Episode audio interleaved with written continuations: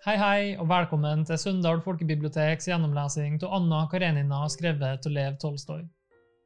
Vi leser bind to, fjerde del, kapittel sju.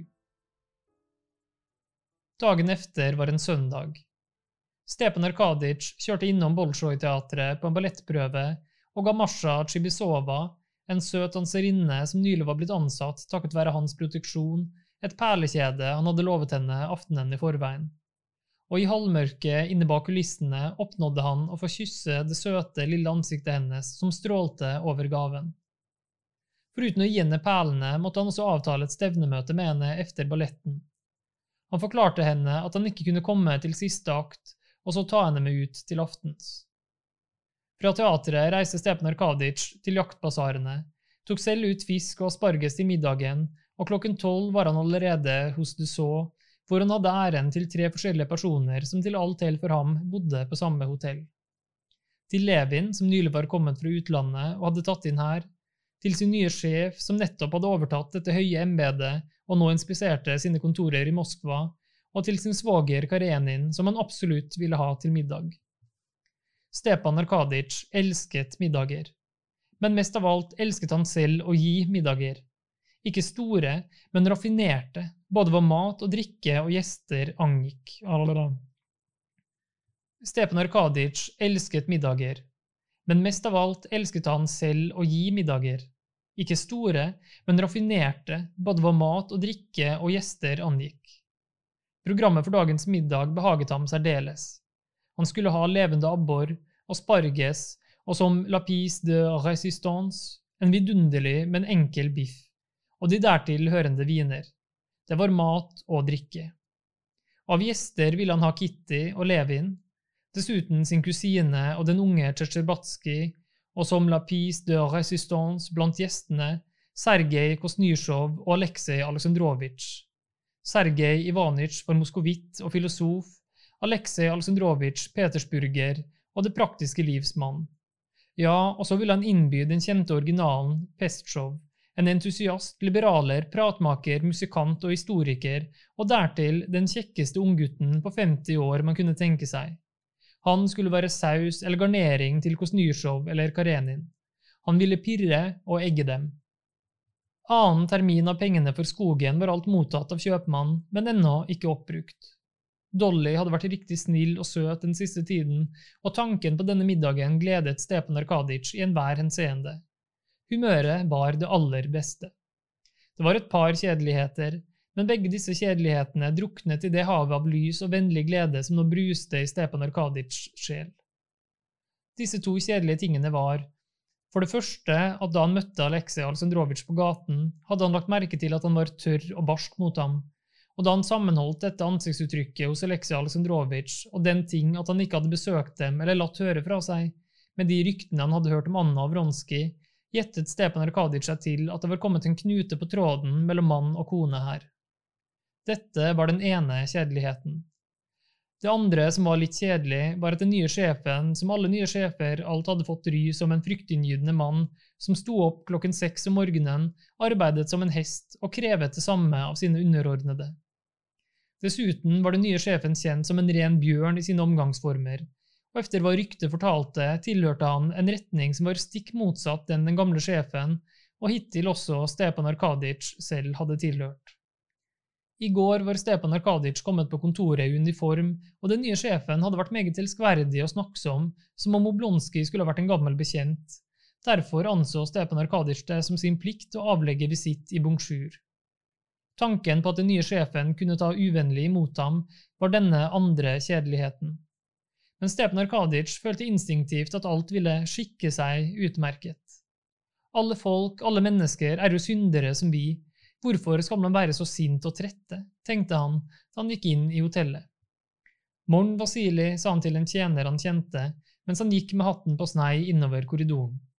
Har du anlagt bakkenbarter? Levin, nummer syv, ikke sant? Vis meg veien, er du snill. Ja, og undersøk om grev Anitsjkin det var den nye sjefen tar imot. Ja vel, svarte Vasilij med et smil. Det er lenge siden de har vært hos oss nå. Jeg var her i går. Kom bare en annen vei. Er dette nummer syv? Levin sto midt i værelset sammen med en bonde fra Tvær og målte et friskt bjørneskinn med et almål da Stepan Arkadic trådte inn. Hva? Har dere skutt den? utbrøt Stepan Arkadic. Et praktstykke! Binde? God dag, Archip. Han trykket bondens hånd og satte seg nedpå, men tok ikke frakk eller hatt av. Men ta av deg, da, og sitt litt, sa Levin og tok av ham hatten. Nei, jeg har ikke tid, jeg stakk bare innom et sekund, svarte Stepan Arkadic. Han kneppet opp frakken, men så tok han den av og ble sittende en hel time og snakke om jakten og om høyst personlige anliggender. Nei, nå må du fortelle hva du har gjort i utlandet. Hvor har du vært? sa Stepan Arkadic da bonden var gått. Jo, jeg har vært i Tyskland, i Prøysen, i Frankrike, i England, og ikke i hovedstedene, men i fabrikkbyene, og jeg har sett mye nytt, og jeg er glad jeg har vært der. Ja, jeg kjenner jo din tanke om å ordne arbeiderforholdene. Slett ikke. I Russland kan det ikke være tale om noe arbeiderspørsmål. I Russland dreier spørsmålet seg om arbeidsfolkets stilling til jorden. Det spørsmålet finnes nok der også, men der vil man bøte noe som alt er ødelagt. Hos oss, derimot… Stepan Arkadic hørte oppmerksomt på Levin. Jo, jo, sa han, det kan meget vel hende at du har rett, fortsatte han, men jeg er nå glad for at du er i godt humør at du går på bjørnejakt, arbeider og morer deg. For Tsjetsjebatskij fortalte meg han hadde truffet deg, at du var så nedtrykt og bare snakket om døden. Ja, naturligvis, jeg har da ikke sluttet å tenke på døden, sa Levin. Det er sant at det er på tide å legge seg til å dø, og at alt dette er noe tull. Jeg skal si deg som sant er, ja, jeg er skrekkelig glad i tankene mine og arbeidet mitt, men i virkeligheten, tenk bare på det, Hele denne verdenen vår, den er bare en liten muggflekk som er grodd frem på en ørliten planet, og her tror vi at noe stort kan finnes hos oss, tanker, gjerninger, bare sandkorn alt sammen. Ja, den sannheten, kjære venn, er gammel som verden selv. Gammel, ja, men vet du, når du begriper det klart, så er det akkurat som alt blir så ubetydelig. Når du begriper at i dag eller i morgen skal du dø, og at det ikke blir noe igjen av deg, da er alt bare ubetydelig, og jeg anser tanken min for å være meget viktig, men den blir like betydningsløs selv om den blir utført som å omringe denne binden. Slik fordriver man da også tiden med jakt og arbeide, bare for å slippe å tenke på døden. Stepan Arkadic smilte ømt og fint mens han lyttet til Levin. Ja, akkurat, og så kom du til meg. Husker du at du kastet deg over meg fordi jeg søkte nytelsene i livet?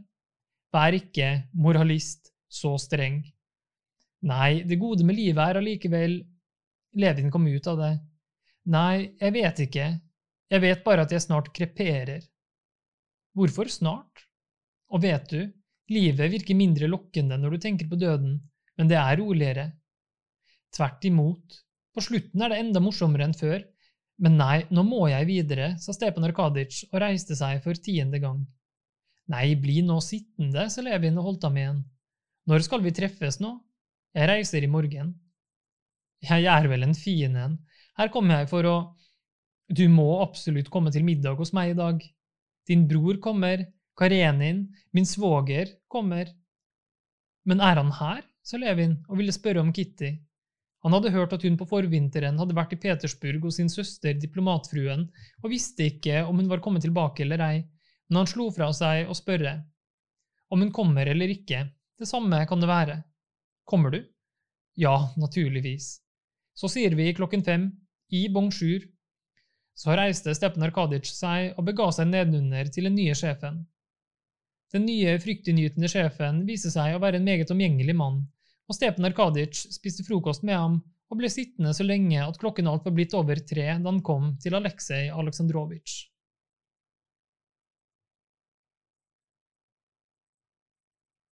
Kapittel 8 Efter at han var kommet fra messe, tilbrakte Aleksej Aleksandrovitsj hele formiddagen hjemme. Denne formiddagen hadde han to ting å gjøre.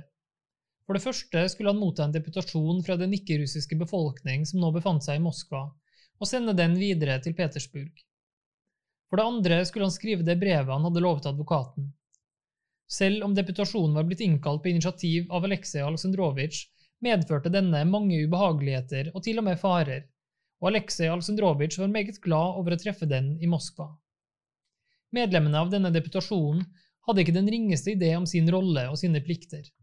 De var naivt overbevist om at deres oppgave var å forklare sin nød og tingenes virkelige tilstand, for så å be regjeringen om hjelp, og forsto slett ikke at noen av erklæringene og kravene deres støttet motstandernes parti og derfor ville spolere hele saken. Aleksej Aleksandrovitsj tok seg god tid med dem, satte opp et program som de ikke måtte gå utover, sendte dem av gårde og skrev flere brev til Petersburg for å skaffe deputasjonen veiledning. Hans viktigste hjelp i denne saken skulle være grevinne Lydia Ivanovna. Hun var spesialist på deputasjoner, og ingen kunne som hun ta seg av dem og lede dem på rett vei. Vel ferdig med dette skrev så Aleksej Aleksandrovitsj brevet til advokaten. Uten å nøle et øyeblikk ga han ham tillatelse til å gjøre som han selv syntes best. Med i brevet la han tre billetter fra Vronskij til Anna som hadde ligget i den mappen han tok fra henne.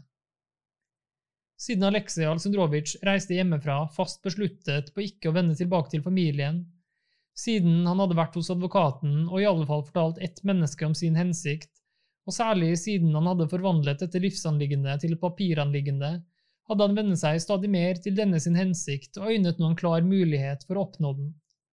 Han var i ferd med å forsegle konvolutten til advokaten da han hørte Stepan Arkaditsjs rungende stemme.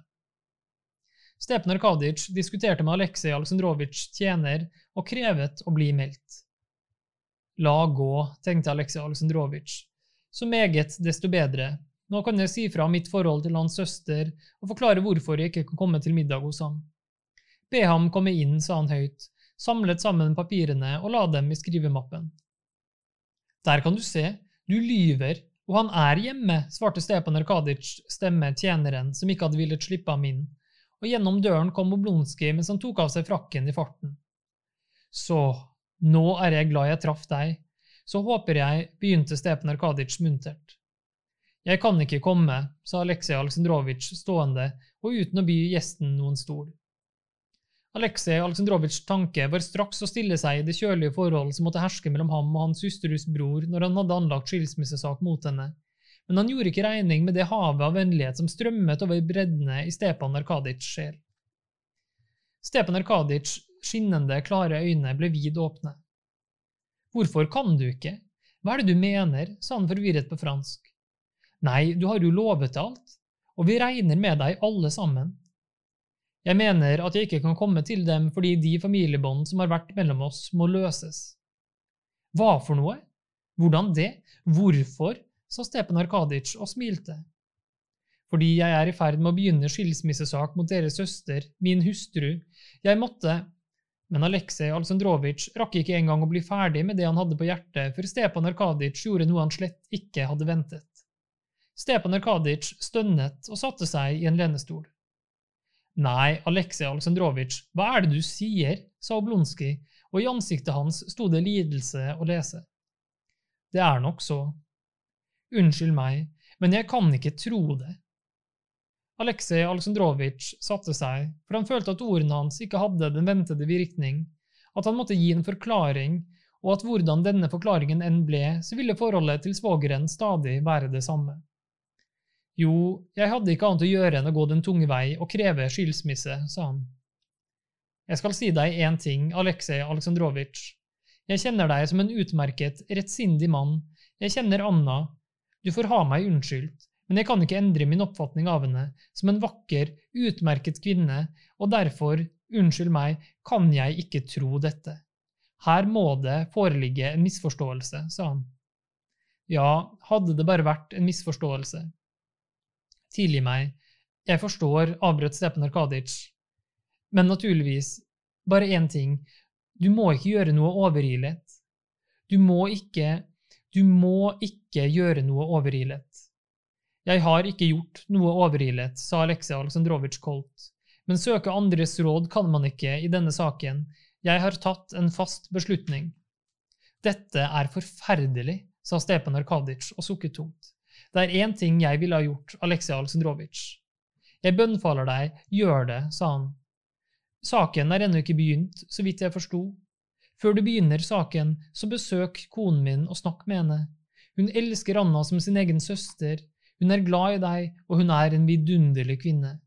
For Guds skyld, snakk med henne, gjør meg den vennetjenesten, jeg bønnfaler deg. Aleksej Aleksandrovitsj falt i tanker, og Stepan Arkaditsj så deltakende på ham uten å bryte tausheten hans. Kjører du innom henne? Jeg vet ikke, det er derfor jeg ikke har vært hos dem, jeg antar at forholdet mellom oss må bli et annet. Hvorfor det? Det kan jeg ikke innse. Tillat meg å anta at du ved siden av våre familieforbindelser i alle fall delvis nærer de samme vennlige følelser for meg som jeg bestandig har nærhet for deg, og oppriktig aktelse, sa Stepan Arkadic og trykket hånden hans. Selv om også dine bangeste anelser skulle vise seg å være virkelighet, vil jeg aldri påta meg å dømme den ene eller den andre part, og ser ingen grunn til at forholdet mellom oss skulle bli et annet. Men gjør nå som jeg sier, reis til min kone. Vel, vi har forskjellige syn på denne saken, sa Aleksej Aleksandrovitsj Kolt. La oss forresten ikke snakke mer om det. Nei, hvorfor skulle du ikke komme til oss? Kan du ikke komme til middag i dag, i alle fall? Min kone venter deg. Vær så snill å komme, og fremfor alt, drøft saken med henne. Hun er en vidunderlig kvinne. For Guds skyld, jeg bønnfaler deg på mine knær. Hvis de absolutt vil det, så kommer jeg, sa Aleksej Alsendrovitsj og sukket. Og for å lede samtalen inn på noe annet spurte han om noe som interesserte dem begge, om Stepan Arkaditsj, nye sjef, en ennå ikke gammel mann som plutselig hadde fått en så høy stilling. Aleksej Aleksandrovitsj hadde heller ikke før likt grev Onitsjkin og hadde alltid hevdet andre meninger, men nå kunne han ikke dy seg for å hate ham slik den som har litt nederlag i tjenesten, hater den som blir forfremmet, et hat enhver som står i tjenesten, forstår. Nå, har du sett ham, da? sa Aleksej Aleksandrovitsj med et giftig smil. Ja visst, han var på kontoret hos oss i går, han ser ut til å kunne sine saker riktig vel og er svært energisk. Vel, men hva bruker han så sin energi til, sa Aleksej Aleksandrovitsj, til å gjøre det som skal gjøres, eller til å gjøre det som alt er gjort? Vårt lands ulykke er papirmøllen, og den er han en verdig representant for. Jeg vet sannelig ikke hva jeg skal sette fingeren på ved ham, i hvilken retning hans energi går, vet jeg ikke, men én ting vet jeg, han er en alle tiders kar, svarte Stepan Arkadic. Jeg har nettopp vært hos ham, og sannelig, han er en alle tiders kar. Vi spiste frokost sammen, og jeg lærte ham å lage den drikken, vet du, vin med appelsiner. Den er ordentlig svalende, og merkelig nok kjente han den ikke. Den falt virkelig i smak. Nei, han er sannelig en alle tiders kar. Stepan Arkadic så på klokken.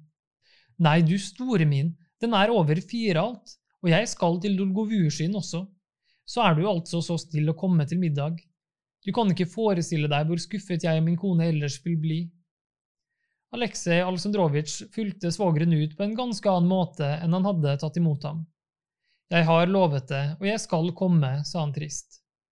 Tro meg, det setter jeg pris på, og jeg håper du ikke vil angre det, svarte Stepan Arkaditsj med et smil og mens han tok på seg frakken i fart, sneiet han borti tjenerens hode med hånden, måtte le og gikk ut. Klokken fem og i bonjour, er du snill, ropte han enda en gang og snudde seg mot døren.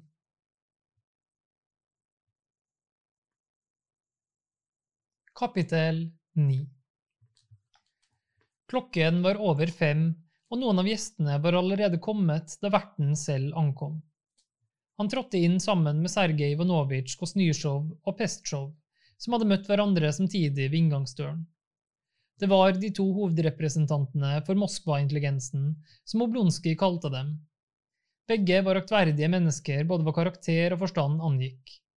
De respekterte hverandre, men nesten i allting var de fullstendig og håpløst uenige.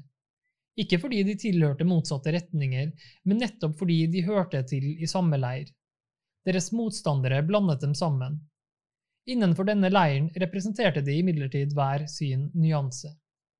Og eftersom intet er så vanskelig å forlike som meningsforskjell i halve abstraksjoner, så var de ikke bare aldri enige, men hadde også for lengst vennet seg til å more seg over den annens uforbederlige villfarelse i all vennskapelighet.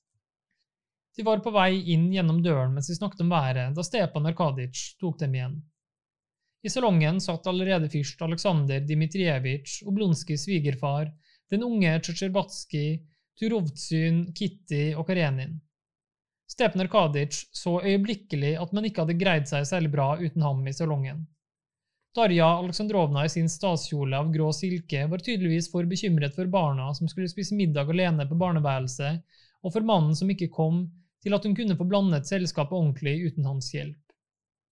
Alle satt som prestekoner på besøk, som den gamle fyrsten uttrykte seg, tydelig i villrede om hvorfor de egentlig var havnet her, og presset frem noen ord så de skulle slippe å tie. Den godmodige Turovtsyn følte tydeligvis at dette ikke var hans sfære, og smilet på de tykke leppene som møtte Stepen Arkadic, sa med tydelige ord, Nå, kjære venn, her har du plantet meg midt oppe i alle de lyse hodene. Nei, ser du, tømme et glass og dra til Chateau de Fleur, det er mitt gebet. Den gamle fyrsten satt taus og skottet med sine glitrende øyne bort på Karenin, og Stepan Arkadic skjønte at han hadde et eller annet bongmot i beredskap om denne statsmannen man ba gjester på akkurat som på en stalet. Kitty så på døren og samlet krefter så hun ikke skulle rødme når Konstantin Levin kom. Den unge Tsjetsjebatskij var ikke blitt presentert for Karenin, men han anstrengte seg for å vise at han ikke var det minste forlegen av den grunn. Karenin selv var på Petersburg-maner kommet til middag med damer i kjole og hvitt, og i ansiktet hans kunne Stepan Arkadic lese at han var kommet bare for å holde sitt ord, og at han ved å være til stede i dette selskapet oppfylte en tung plikt. Det var han som var hovedmannen bak den kulden som hadde frosset alle gjestene fast like til Stepan Arkadic kom. Da han kom inn i stuen, unnskyldte Stepan Arkadic seg og forklarte at han var blitt oppholdt av den fyrsten som bestandig måtte være syndebukk når han kom for sent eller uteble. Så presenterte han alle for hverandre i en fei. Førte Aleksej Aleksandrovitsj sammen med Sergej Kosnysjov og kastet ut Polens russifisering som et passende samtaleemne, noe de straks bedt på sammen med Pestsjov. Så klappet han Turovtsjin på skulderen, hvisket ham noe morsomt i øret og satte ham sammen med konen og fyrsten. Etterpå fortalte han Kitty at hun var riktig vakker i dag, og presenterte Tsjetsjebatskij for Karenin. På ett øyeblikk hadde han rørt sammen denne selskapsdeien så det ble en riktig flott salong hvor stemmene lød livlig. Bare Konstantin Levin manglet. Men det var bare bra, for da han kom inn i spisestuen, oppdaget Stepan Arkadic til sin forskrekkelse at portvin og sherryen var kommet fra Depré og ikke fra Løv, og etter å ha gitt beskjed om å sende kusken så raskt som mulig til Løv, satte han kurs for salongen igjen. I spisestuen støtte han på Konstantin Levin. Jeg er ikke for sen. Hender det at du ikke er for sen, sa Stepen Arkadic og tok ham under armen. Er det mye folk hos deg? Og hvem er det? spurte Levin og måtte rødme mens han børstet sneen av hatten sin med en hanske. Bare kjentfolk. Kitty er her. Kom så, nå skal jeg presentere deg for Karenin. Tross sin liberalisme visste Stepan Arkadic at å være en bekjent av Karenin ikke kunne være annet enn smigrende, og derfor serverte han ham for sine beste venner. Men i dette øyeblikk var ikke Konstantin Levin i stand til å føle hele nytelsen i et slikt bekjentskap. Han hadde ikke sett Kitty siden hint minneverdig aftenselskap da han traff Bronski, hvis han da ikke skulle regne det øyeblikket han hadde sett henne på hovedveien. Innerst inne hadde han visst at han ville få se henne her i dag, men nå da han fikk høre at hun var her, følte han med ett en slik glede og på samme tid en slik redsel at han mistet pusten og ikke kunne si det han ville. Hvordan, hvordan er hun? Er hun den samme som hun var den gang, eller er hun den samme som hun var i vognen? Hva om nå Darja Aleksandrovna snakket sant? Og hvorfor skulle det ikke være sant, tenkte han. Og vær så snill å presentere meg for Karenin, fikk han til slutt frem gikk så med fortvilet besluttsomme skritt inn i salongen og fikk se henne. Hun var verken slik hun hadde vært den gang, eller slik hun hadde vært i vognen. Hun var helt annerledes. Hun var forskremt, engstelig, skamfull og derfor enda mer fortryllende. Hun fikk øye på ham i samme øyeblikk som han kom inn i værelset. Hun hadde ventet på ham. Hun ble glad og så forvirret over sin egen glede at det var et øyeblikk nettopp det øyeblikket da han gikk bort til vertinnen og så på henne igjen, da både hun og han og Dolly, som så alt, syntes at hun ikke ville kunne holde seg lenger, men briste i gråt. Hun rødmet, bleknet, rødmet igjen og ble så helt stiv mens hun ventet på ham med sitrende lepper. Han gikk bort til henne, bukket og rakte henne taust hånden. Hadde det ikke vært for leppenes lette sitteren og væten som dekket øynene og fikk dem til å skinne enda sterkere, ville smilet hennes vært nesten rolig da hun sa så lenge det er siden vi har sett hinanden, og så trykket hun med fortvilet besluttsomhet hans hånd i sin kolde. Du har ikke sett meg, men jeg har sett dem, sa Levin med et strålende lykkelig smil. Jeg så dem da de reiste fra jernbanen til Jergusjovo. Når da? spurte hun forbauset. De var på vei til Jergusjovo, sa Levin, og merket at den lykken som skyllet gjennom sjelen hans, rent tok pusten fra ham. Og hvordan kunne jeg driste meg til å forbinde tanken på noe som ikke var uskyldig, med dette rørende vesenet? Og jo, det var visst sant som Darja Aleksandrovna sa, tenkte han. Stepan Arkadic tok ham i armen og førte ham bort til Karenin. Tillat meg å presentere herrene. Han nevnte navnene deres. Gleder meg meget å treffe dem igjen, sa Aleksej Aleksandrovitsj koldt og trykket Levins hånd. Kjenner dere hinanden? spurte Stepan Arkadic overrasket. Vi har tilbrakt tre timer sammen i en jernbanevogn, sa Levin og smilte, men vi steg av som efter en maskerade, mystifiserte, i det minste jeg. Nei, du store min. Vær så god, sa Stepan Arkadic og pekte i retning av spisestuen. Herrene gikk ut i spisestuen og bort til landretningsbordet hvor det var satt frem seks sorter brennevin og like mange ostesorter med og uten spade av sølv. Dessuten kaviar, sild, forskjellige slags hermetikk og tallerkener med panserloff. Herrene sto ved de duftende drikkene og rettene, og samtalen mellom Sergej Ivanovitsj Kosnysjov, Karenin og Pestsjov stilnet av i forventningen om middagen. Sergej Ivanovitsj forsto som ingen annen å avslutte den mest abstrakte og alvorlige diskusjonen ved uventet å strø ut attisk salt og derved få selskapet i en annen stemning, og det gjorde han også nå. Aleksej Aleksandrovitsj forsøkte å bevise at Polens russifisering bare lot seg gjennomføre ved de høyeste prinsipper, og dem måtte den russiske administrasjonen introdusere. Pestsjov hevdet at et folk kunne assimilere et annet bare om det hadde en større befolkningstetthet. Kosnysjov anerkjente både den ene og den andre mening, men med forbehold, og da de gikk ut av salongen, sa Kosnysjov smilende for å få en ende på samtalen. Derfor finnes det blott ett middel som kan russifisere den ikke-russiske befolkning, og avle så mange barn som mulig. Min bror og jeg handler altså på sletteste måten, men de, mine herrer ektemenn, og særlig de, Stepan Arkadic, handler helt patriotisk. Hvor mange har de? sa han med et vennlig smil til verten og satte et ørlite glass bort til ham. Alle lo, og særlig muntert lo Stepan Arkadic. Ja, der har vi sannelig det beste middel, sa han mens han sto og tygget på noe ost og skjenket en eller annen særskilt sort brennevin i glasset han hadde fått. Samtalen endte virkelig i denne spøken. Denne osten er slett ikke så verst. Skal det være litt, sa verten. Har du virkelig drevet gymnastikk igjen? sa han henvendt til Levin og kjente på musklene hans med venstre hånd. Levin smilte, spente armen, og under Stepen Arkadic fingre sprang det frem en stålkul, rund som en edamerost, bak det tynne kledet i bonjuren. Det var biceps, det. Samson? Jeg antar at man trenger stor styrke for å gå på bjørnejakt, sa Aleksej Alsendrovitsj, som hadde høyst tåkete forestillinger om jakt, idet han smurte på ost og stadig laget hull i den løvtynne loffskiven. Levin smilte. Slett ikke, Tvert om, et barn kan drepe en bjørn, sa han, og trådte med et lett bukk av veien for damene, som sammen med vertinnen nå kom bort til bordet. Og de har drept en bjørn, har jeg hørt, sa Kitty og forsøkte forgjeves å fange en stridig sopp som bare ville gli unna, med gaffelen mens kniplingene rystet omkring den skinnende, hvite hånden hennes. Er det kanskje bjørner hos dem, la hun til, og vendte smilende det fortryllende lille hodet halvveis mot ham. Det så ikke ut til å være noe som helst ualminnelig i det hun sa, men for ham var det en betydning ord ikke kunne utsi i hver lyd, i hver bevegelse hennes lepper, øyne, hender gjorde da hun sa dette. Her var det både bønn om tilgivelse, tillit til ham, ømhet, varsom, engstelig ømhet, forgjettelse, håp og en kjærlighet til ham som han ikke kunne tro på, og som kvalte ham i lykke. Nei, vi reiste til tverrguvernementet. På veien tilbake derfra traff jeg deres svoger, eller deres svogers svoger, sa han med et smil. Det var et komisk møte. Og så fortalte han muntert og morsomt hvordan han ikke hadde fått sove hele natten, og så hadde bomset inn i Aleksej Aleksandrovitsjs kupé i sin pelsjakke.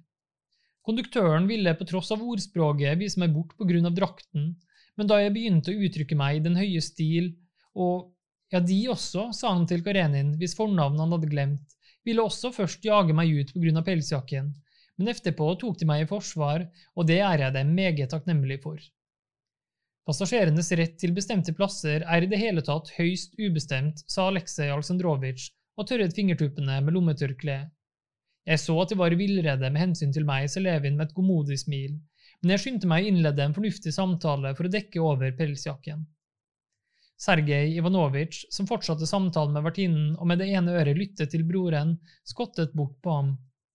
Hva er det i veien med ham i dag? Han er jo den rene triumfator, tenkte han. Han visste ikke at Levin følte han hadde fått vinger. Levin visste at hun lyttet til ordene hans, og at hun likte å høre ham. Og dette ene var det som opptok ham. Ikke bare i dette rommet, men i hele verden eksisterte det ikke annet for ham enn han som nå hadde fått en veldig betydning og vekt, og hun. Han følte at han sto svimlende høyt oppe, og der nede et sted, langt borte, var alle disse snille, prektige kareninene, oblonskiene og hele verden. Ganske ubemerket, uten å se på dem og slik enhver annen plassering var utelukket, satte Stepan Arkadic Levin og Kitty ved siden av hinanden. Så kanskje du vil sette deg her, sa han til Levin. Middagen var like fin som serviset, som Stepan Arkadic var en stor skjønner av. Soup Marie Louis slo riktig godt an. De ørsmå posteiene som smeltet i munnen, var det ingenting å utsette på. To lakeier og Matvei, alle med hvite hansker, passet arbeidet med maten og vinen stille, ubemerket og effektivt.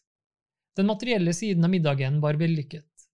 Ikke mindre vellykket var den immaterielle. Samtalen, snart i videre, snart i engere kretser, stoppet aldri opp og var så livlig da middagen gikk mot slutten at herrene reiste seg fra bordet mens de fortsatte å snakke, og til og med Aleksej Alsundrovitsj var blitt opplivet. Takk for oppmerksomheten. Oppleser var Torgeir Brun. Podkasten er produsert av Sunndal folkebibliotek ved Torgeir Brun. Det prosjektet her er støtta av Nasjonalbiblioteket, og takk til Gyllendal Norsk Forlag for bruk av deres oversettelse.